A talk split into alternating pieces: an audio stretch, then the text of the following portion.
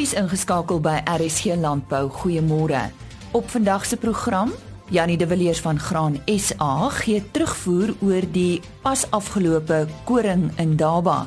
Ons medewerker in die Noord-Kaap, Koos de Pisani, het met 'n boer gesels oor die impak wat vervoer van diere het juis op die welsyn van die dier.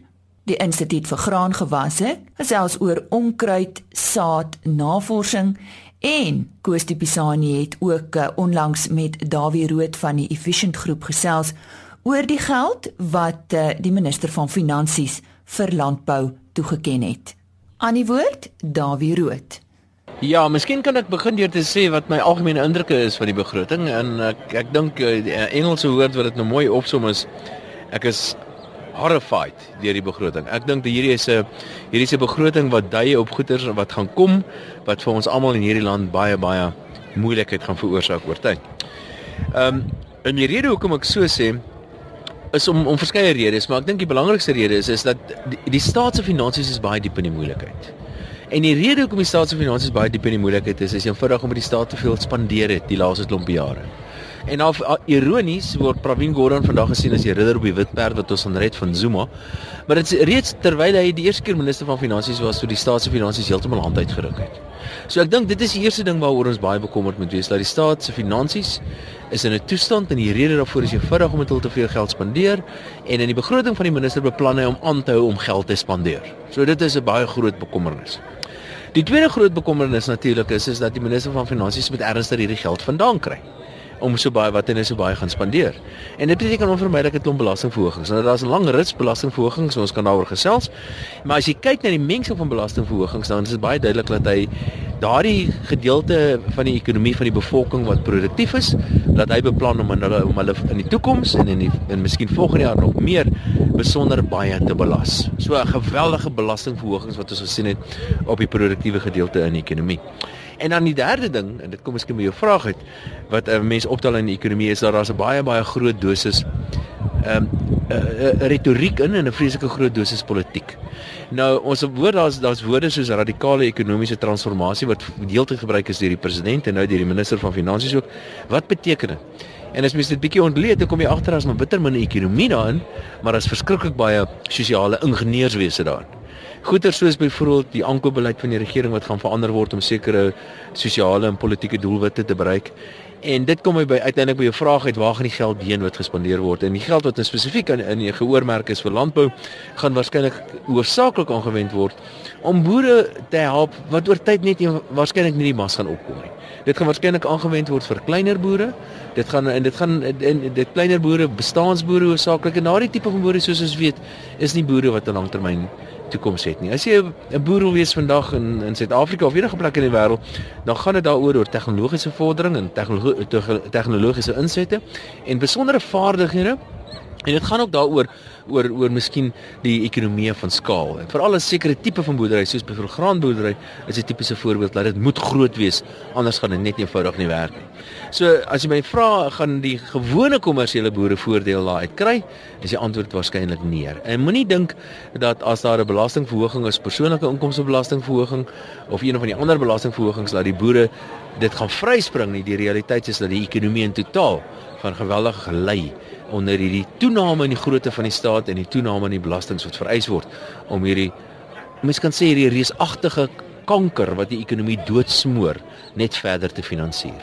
Ehm um, wanneer jy is die is die toekoms van van van landbou in Suid-Afrika. Ek meen dit is 'n noodsaaklikheid, maar maar wat is die toekoms vir die gewone boer?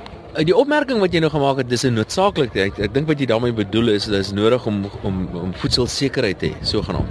Nou ek dink dis omdat om twak voedselsekerheid is heeltemal onnodig. Dit is nie nodig vir enige land om voedselsekerheid te hê nie. Um, jy voer eenvoudig in wat jy nodig het. Dit is nie nodig dat 'n land genoeg uh, voedsel moet produseer vir sy mense nie. As hy ander goeder produseer, beter doen liewer ander goeders. So ek dink die konsep van voedselsekerheid moet ons van ontslaa raak. Dit is nie nodig nie. Maar wat sekerlik belangrik is, is dat dit dit is belangrik vir enige land om te produseer. en hy moet produseer waarin hy goed is. In die geval van Suid-Afrika is ons besonder goed in sekere landbouprodukte te produseer. Ehm um, en en en ek dink die toekoms van landbou wêreldwyd is besonder aantreklik. Landbou is besig om deur 'n revolusie te gaan, 'n nywerheidsrevolusie van 'n soort. Dis besig om tegnologiese revolusie deur te gaan en landbou is besig om homself te omvorm van 'n primêre uh bedryf soos mynbou ook maar besig is om deur te gaan tot 'n dienstebedryf. Want die waarde wat toegevoeg word aan landbou vandag is nie meer is nie meer grond nie. Die waarde wat toegevoeg word is goeder soos byvoorbeeld genetika of of die vermoë om te bestuur en die die die vaardigheid van die boer, die ou wat eintlik daai ding bestuur. So landbou op sigself is een van die groot nywerhede wat ek dink absoluut ongelooflik goed gaan doen oor tyd. Ongelukkig is dit so uh, dat ons regering het wat wat lyk dit vir my oorlog voer teen sy vervaardigers insluitende landbou in die land en daar's 'n spesifieke uh, vingers van die regering se kant wat wys na boerdery toe met hulle idees van herverdeling van grond en dis meer. So ek is bekommerd, ek is baie op, opgewonde oor landbou, oor die toekoms van landbou vanuit 'n tegnologiese oogpunt, maar polities vanuit 'n Suid-Afrikaanse oogpunt is daar dinge wat my baie bekommer. Dit was dan Koos Tupisani in gesprek met Dawie Rood van die Efficient Groep. Nou eers so 'n paar brokkies landbou nuus. Die veeplaas skole kudde projek het onlangs verdere momentum gekry toe sy Dexter stoet by die landbouskool Hendrik Potgieter in Reddersburg gevestig is. Die diere is deur teelers van die Dexter Beestelersgenootskap geskenk. Dit is die sewende kudde van sy soort. Kuddes van ander rasse is reeds by ander skole gevestig. En appels. Die Landbou Navorsingsraad gaan van dese maand 'n nuwe reeks appels bekendstel onder die Afrika Handelsnaam. Die eerste van die reeks appels is reeds in 2005 by die Elgin Proefplaas aangeplant. Ses van hierdie variëteite word nou deur plantkwekersregte beskerm. En Yara Internasionaal het onlangs sy splinternuwe vloeibare kunsmisaanleg in Mamasbury in die Kaap gevier. Die belegging stel die maatskappy in staat om boere in verskeie markte binne 'n radius van meer as 300 km vanaf Mamasbury te bedien. Dit sluit die graan, groente, vrugte en druiwebedrywe in. En IHT melkverbruik in Sub-Sahara Afrika het teen 'n gemiddelde jaarlikse koers van 22% gegroei sedert 2013. Die melkprodusente organisasie berig dat dit merkbaar verskil van die algehele statiese markte vir wit drinkmelk in Europa en Noord-Amerika. Afrika en Asië is hoofsaaklik verantwoordelik vir die groei van die UHT mark. Dr. Elbi Hugo is 'n navorser in onkruidwetenskappe by die Instituut vir Graangewasse op Potchefstroom en onkruide bly maar 'n probleem. Waarom Elbi? Lize, onkruid sal jy sien kry mens oral, langs die pad, in parke, selfs by die see, as 'n mens op die strand sit en jy kyk 'n bietjie so teen die heuweltjies, dan sien jy onkruide. En onkruide is so gemaak dat hulle geweldige saadvolumes dra en dat hulle op enige plek kan groei. So ek gaan 'n bietjie met net met voorbeelde kom om vir die produsente die geweldige impak van onkruidsaad te verduidelik in gewasproduksie.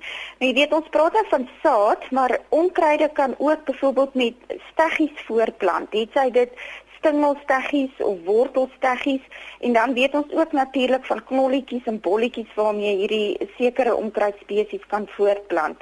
En dit is hoekom hierdie spesifieke plante geklassifiseer word as onkruide omdat hulle juis sulke geweldige saadvolumes kan produseer.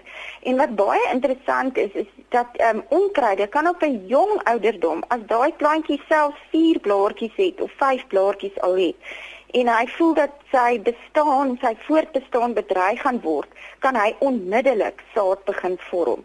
En so alhoewel dit dan nog nie eers volwasse plantjies is nie, dan begin hierdie onkruidspesies van hierdie onkruidspesies al klaar saad vorm in 'n saailingsstadium. So dit is 'n blouprint of 'n blueprint as ons nou die mooi Afrikaans kan gebruik van onkruide om hierdie geweldige saadvolumes te produseer. Ehm um, ek gaan nou vir ons 'n bietjie ehm um, net oor spesifieke onkruide praat, maar dan 'n laaste ding wat onkruide elke jaar maar 'n probleem maak in produksie is die feit dat die saad ehm um, dormant kan wees. Ek het nou byvoorbeeld hier 'n voorbeeld in die literatuur raak gelees dat oliebome kan tot 38 jaar in die grond oorleef. En wanneer daai saadjies uit die grond uitgehaal word en dan nou in kiemingstoetse gesit word, het 91% van daai saadjies het wel ontkiem. So hierdie saad is alomteenwoordig in ons grond. Ek noem dit altyd 'n grond 'n saadbank of probeer dit verduidelik vir die boere dat dit soos 'n soos 'n silinder is waarin 'n mens moet kyk en daar lê al hierdie saadjies um, van die onkruide. Goed, Elbie, gee vir ons 'n paar voorbeelde van hierdie spesies waarvan jy gepraat het. Die eerste een waarmee ek dit eintlik wil verduidelik is geel en rooi eintjies. Nou ek dink al ons produsente ken geel eintjies. Rooi eintjies dalk 'n bietjie minder bekend, maar ehm um, hy is bietjie kleiner en hy daai 'n uh, rooi maroenerige saad van ehm um, boogrond. Nou om jou net 'n bietjie statistiek te gee dat ehm um, eintjies maak knolletjies onder die grond en hulle maak saad bo kan die grond. Nou vandat hulle opkom binne 4 tot 6 weke kan daai saailinkies 200 knolle per vierkante meter vorm. So as jy mens nou mooi gaan dink dan is dit teen 20 weke nadat daai ehm um, eintjies opgekom het, is daar meer as 3000 knolle per vierkante meter. So dit is die die getalle is net astronomies, né? En dis net maar van een plantjie. Ehm um, en dan kyk ons ook as die saadjies bo-gronds begin vorm, So een geel eintjie kan 1900 saailinkies en 6900 knolletjies produseer in 'n jaar. So hierdie hierdie ehm um, dit hoekom eintjies 'n probleem onkruid is want hy kan bo-gronds ehm um, saad produseer sowel as ondergronds ondergronds. En dit is dieselfde met wandelende jood. Wandelende wandelende jood het ook onder die grond het hulle ehm um, ehm um, saadjies en bo kan die grond. En as ons dan nou kyk na ehm um, goed soos grasse, ek weet grasse is net sulke ehm um, uh onkruide wat geweldige saadvolumes vrystel en daar praat ons van tussen 120 en 150 000 saadjies wat byvoorbeeld Digitaria sanguinalis, dis vingergras of jong osgras kan kan voortbring in net een plantjie, né? So en dan moet die boere ook onthou ek 'n mens is geneig om te dink 'n mens moet in die winter kan jy nou maar jou lande los en die onkruide gaan miskien doodryp ensovoorts ensovoorts maar daar's onkruide wat nie doodryp in die winter nie. En hierdie onkruide produseer net so baie saad. En ek gaan net vinnig daar twee voorbeelde noem. Dis hierdie wit blom blou dussel en ehm um, radiator bossie nê so ons almal ken wit blom blou dussels is die alles sulke vaal grys voorkoms in die wintermaande en dan die ehm um, uh radiator bossies is hierdie wat so so die geel blommetjies het. So en hulle produseer tussen 20 en 25000 sade per plantjie. So as mens nie dit ook ehm um, beheer nie, dan bou jou saadbank in jou grond word elke jaar maar net meer en meer en meer. En sodra die eerste reëns kom of sodra die toestande gunstig is, dan het jy hierdie massa saad wat in jou grond kan ontkiem en dan belemmer dit ons produksie van ons gewasse. Goed Elbie, maar nou kom ons by die beheer daarvan en uh, sommige mense wil nie noodwendig gif spuit nie, maar dis seker maar die enigste raad wat jy het. Ja, definitief. Weet jy as ons kommersieel ehm um, na die kommersiële kant kyk, dan is ons afhanklik van chemiese onkruiddoders. Ehm um, wanneer boere chemie chemie gebruik, is dit baie belangrik dat hulle weet wat die probleem is. So hulle moet die die onkruide korrek identifiseer en dan moet hulle die korrekte gif ook spuit. Want wanneer jy die korrekte gif spuit teen die korrekte dosis, dan sal 'n mens ehm um, beheer kry. Maar die grootste goue reël vir onkruidbeheer is om tydig op te tree. Jy moet tydig jou bespuitings doen uh en jy moet tydig uh waarnemings doen waar daar moeilik beheerbare onkruide is om dan meer as een beheermaatreël in te bring en nie net dan op chemiese staat te maak nie, maar dat 'n mens wel 'n bewerking inbring of dalk 'n gewasrotasie of so iets. So tydige beheer met die regte onkruiddodermiddels bly maar die goue reël. Van die Instituut vir Graangewasse op Potchefstroom, Dr. Elbi Higu. Nog landbou nuus oor vroue in landbou. Honger, ondervoeding en armoede in landelike gebiede kan verlig word indien vroue as landbouprodusente en veral as kleinboere meer ondersteuning kry. So sê Dora Marema van Gender CC Suidelike Afrika. Marema sê vroue in Suid-Afrika is 'n sentrale fokuspunt om voedselsekerheid op grondvlak te bevorder. Die organisasie bied vanaf Februarie verskeie kapasiteitsbou en vaardigheidswerkswinkels aan om vroue as landbouprodusente in landelike gebiede te bemagtig. Marema sê indien die regering en ander rolspelers die struikelblokke ignoreer wat vroue as landbouprodusente ervaar, staar 14 miljoen mense in Suid-Afrika voedselonsekerheid in die gesig. Die struikelblokke waarna sy verwys behels onder meer toegang tot hulpbronne, grond, finansiële dienste en vaardigheidsontwikkeling. Willem Leroux is 'n boer in Middelburg, Kaap. Hy doen baie vervoerwerk vir die skaapboere in die Karoo en Koos de Pisani het juis met hom hieroor gesels. Die vervoerproses van vee bly maar 'n kuns wat min verbruikers verstaan. Die man wat sy sout werd is om diere te vervoer, sal vir jou sê, dis nie sommer net 'n geval van oplaai, ry en aflaai nie. Daar's baie faktore wat in ag geneem moet word met die vervoer van diere. Ek het met Willem Leroux van Middelburg gesels. Hy vervoer gereeld lammers en omdat die diere maklik beseer en maklik gewig verloor tydens die vervoerproses, is dit 'n kuns om die skade tot die absolute minimum te beperk. Willem, wat is die geheim om lammers en ooe te vervoer om die minste skade op te doen? In die eerste geval begin ons by die boer. Die boer moet sorg dat sy vee nie te dik gedrink is, te dik geëet is aan sappige voere nie of kosse nie, uh, sodat dit blousuurvergiftiging kry as gevolg van die skit op die lorry en die senuweeagtigheid van die diere. Uh, die hantering van vee moet ook so geskied dat diere nie onder ge uh, gewellige stres gelaai word met te veel geraas en prikstokke en sulke goed nie laai hulle met die hande en trek die skape in dat hulle nie seer kry nie. En dan die groot storie van die beginnery, elke uur moet jy stilhou afhangende van die toestand van die paaie as ons baie sleg baie ry, soos gewone grondpaaie, dan stop ons meermale elke halfuur net om te kyk of die vee reg staan. En as jy op die teerpaaie kom, dan kan ons so na elke uur moet jy stop om jou vee deur te kyk. Maak nie saak hoe ver jy ry nie en dit is hoe ons probeer goed so uh, goed as moontlik hanteer. Jy moet maar ehm um, stadig ry ook nie te stadig eintlik nie, maar jy moet seker so vinnig as moontlik met jou diere aan die ander kant kom. Ons ry teen maksimum snelheid tot dit toegelaat word om te ry om die diere so gou as moontlik van laaipunt tot op aflaaipunt te kry en ehm uh, en uh, om jou stille tyd ook in te werk moet want dit vat omtrent 20 minute na 'n halfuur toe om elke keer te stop en al die vier diere te kyk want party vragte het 500 op, party tot 700 op en om elke dier lewendig aan die ander kant te kry moet jy na elke koppie kyk wat op die lorry is. Willem, uh, beserings is altyd 'n groot risiko, maar teelers kan ook baie geld verloor weens gewigsverlies tydens die vervoerproses. Is daar enige maatreëls wat jy toepas um, om die gewigsverlies te bestuur? Gewigverlies uh, gaan maar hoofsaaklik oor die voeding wat die diere ingeneem het voor voor hulle ry. Te veel water water, dan verloor hulle baie uh, water deur die rit, maar terwyl die vragmotor loop, het ek al uitgevind dat die diere urineer nie so kwai nie.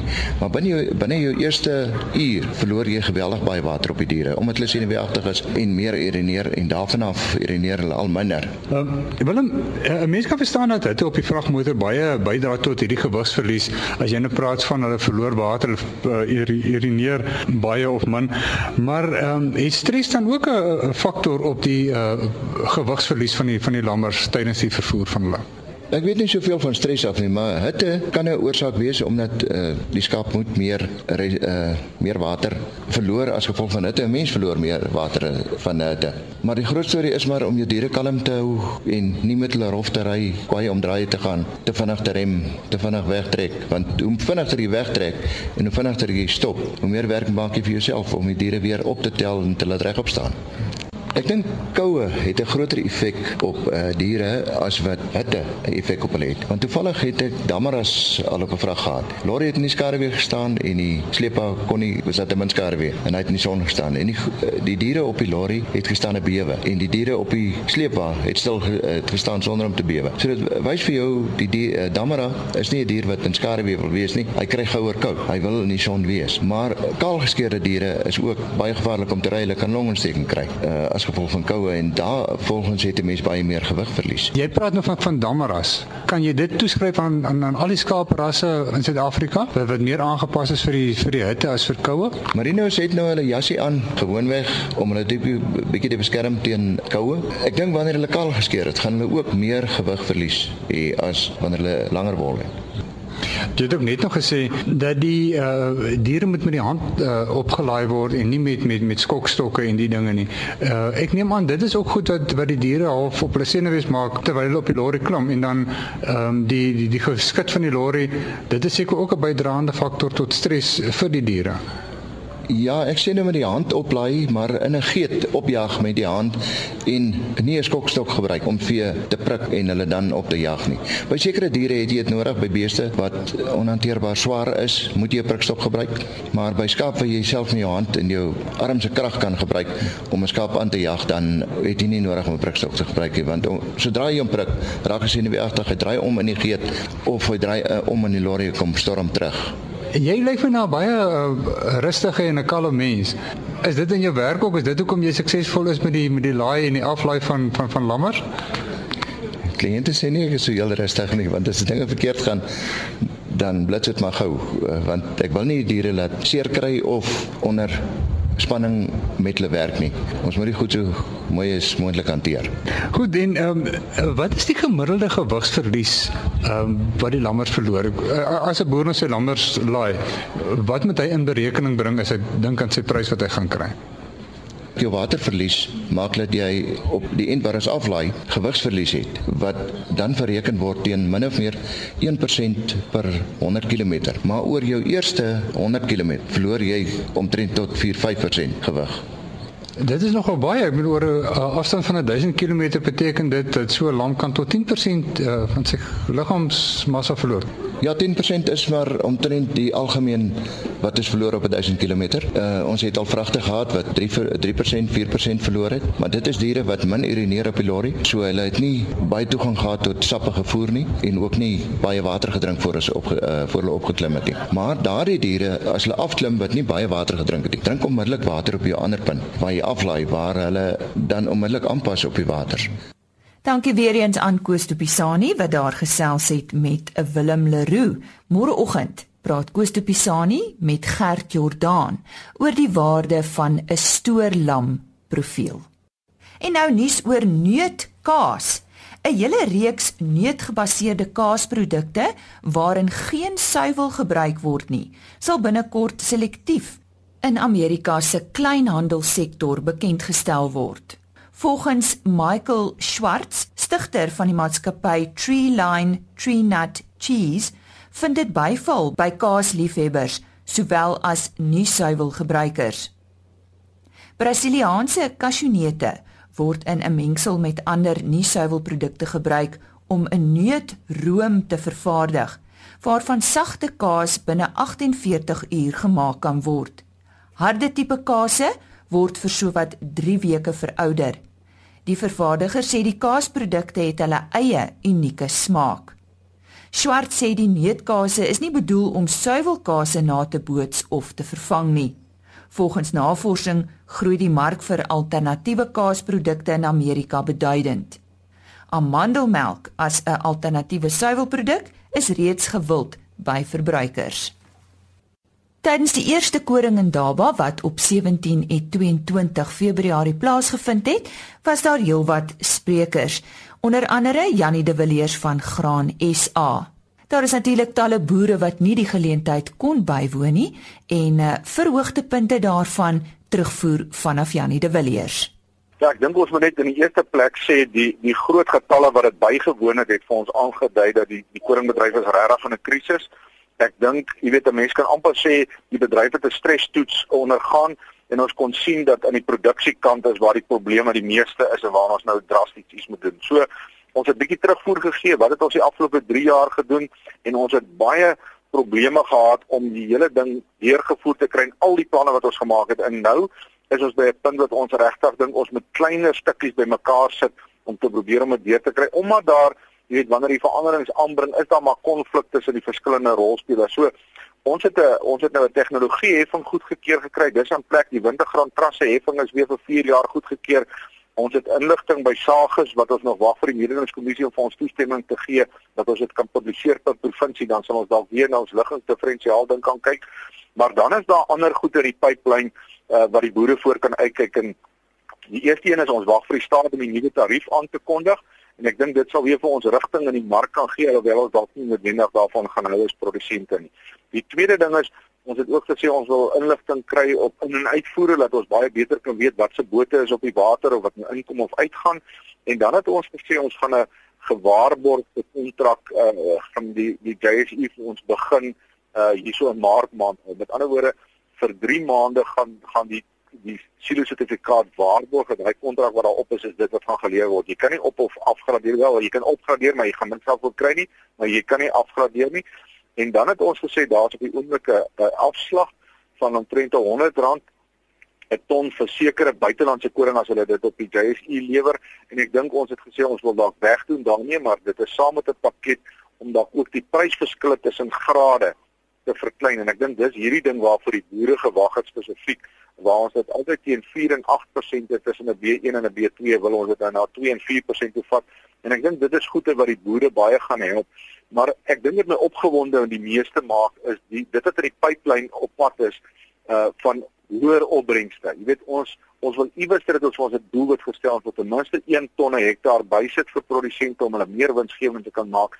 En ons het nou ons vrystellingsnorme verander en 'n bietjie gaan gaan versag sodat ons hoër uh, opbrengs goede kan aandry. Ons het meer geld gaan belê uh, saam met ons departement uh, wetenskap en tegnologie om hoër opbrengsgoede in die mark in te bring. En ek dink dit is wat my opgewonde maak want jy weet ek kan nie die wêreldprys vir die boer verander nie. Ons kan nie die wisselkoers beïnvloed nie, maar ons kan die opbrengs verhoog. Ehm um, en dit is waaraan ons nou baie aandag gee in. Ek dink tog die res van ons rolspelers, jy weet die melenaars en die bakkers en die opbergers en en so en hulle het almal dink ek besef dat as ons nie nou iets doen gaan ons die koringproduksie in die land baie seer maak. En ek dink dit is wat vir my 'n positiewe uitkoms uit die hele Indaba ook is. En dit was dan Janie de Villiers van Graan Suid-Afrika. Ons gesels môre oggend oor makadamia navorsing en inskrywings vir die Agri's Got Talent kompetisie is nou oop. Om meer hieroor uit te vind, onthou môre oggend weer saam met ons te kuier vir RSG Landbou.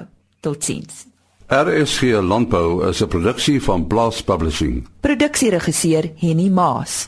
Aanbieding Lisa Roberts. En uitskoördineerder Martie Kerstyn.